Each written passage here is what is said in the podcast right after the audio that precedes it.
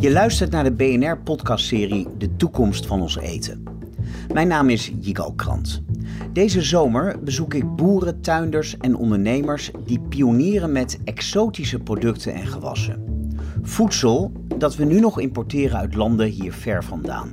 Want je staat er niet bij stil, maar de kans is groot dat jouw volgende maaltijd bestaat uit ingrediënten die opgeteld vele tienduizenden kilometers hebben afgelegd.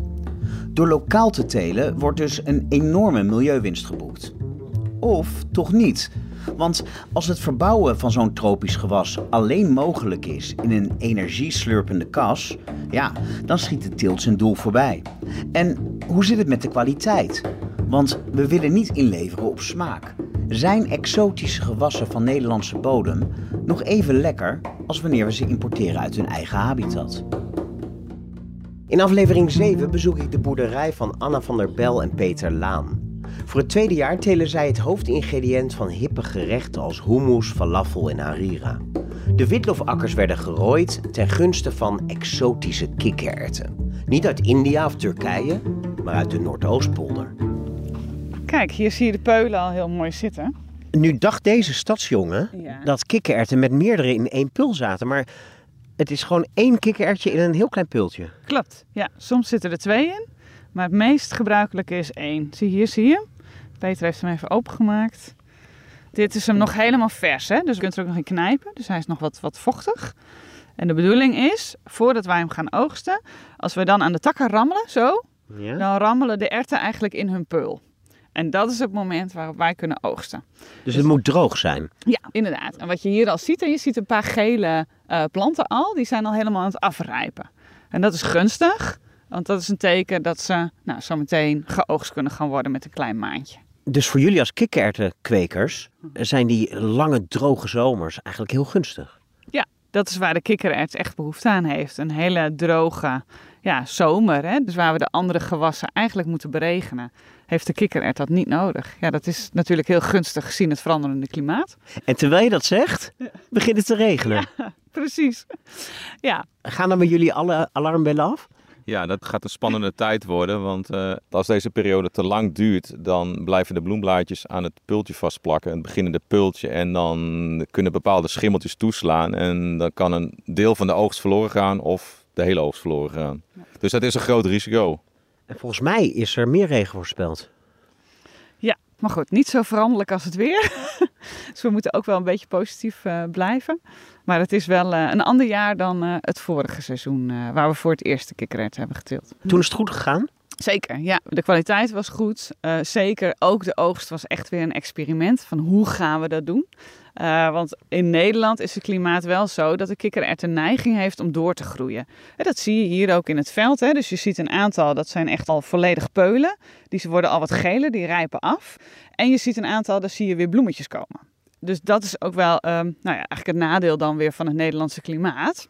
Eh, waardoor die, ja, je moet het oogstmoment echt ja, gaan timen. Een deel van de erwten is dan eigenlijk bijna te rijp Ja. en een deel van erwten is nog te rauw. Dus je moet hem op een gegeven moment moet je de groei stopzetten en dan eh, ja, het gemiddelde nemen dat er de meeste aantal, eh, Ja. hoogste aantal etjes in zitten per plantje. En dan eh, een week drogen en dan eh, kan het geoogst worden met de combine. Maar waarom zijn jullie kikkererwten gaan telen als het zo risicovol is? Omdat we iets wouden doen wat weer terug, iets terug kon geven aan de bodem. Hiervoor teelden wij een gewas wat best wel veel van de bodem vraagt. En dat is best risicovol, ook op de langere termijn. Hè. Wil je dat hier een volgende generatie ook weer goed voedsel kan verbouwen, eh, dan moet je ook zuinig zijn op de bodem. Hè? Want dat is wel je, je, je belangrijkste bezit eigenlijk. En daarom zijn we gestart met een eiwitgewas. En specifiek de kikkererwt, omdat we vanwege onze schaalgrootte daarvoor het rechtstreeks kunnen afzetten bij horeca, bij cateraars. En dus niet afhankelijk hoeven te zijn van de grote eh, spelers, omdat we daarvoor simpelweg te klein zijn. En wat is het gewas dat jullie hebben afgestoten? Witlof hebben wij afgestoten. Ja. Witlof vergt veel van de bodem en kikkererwt kan je eh, schuiven onder een rustgewas.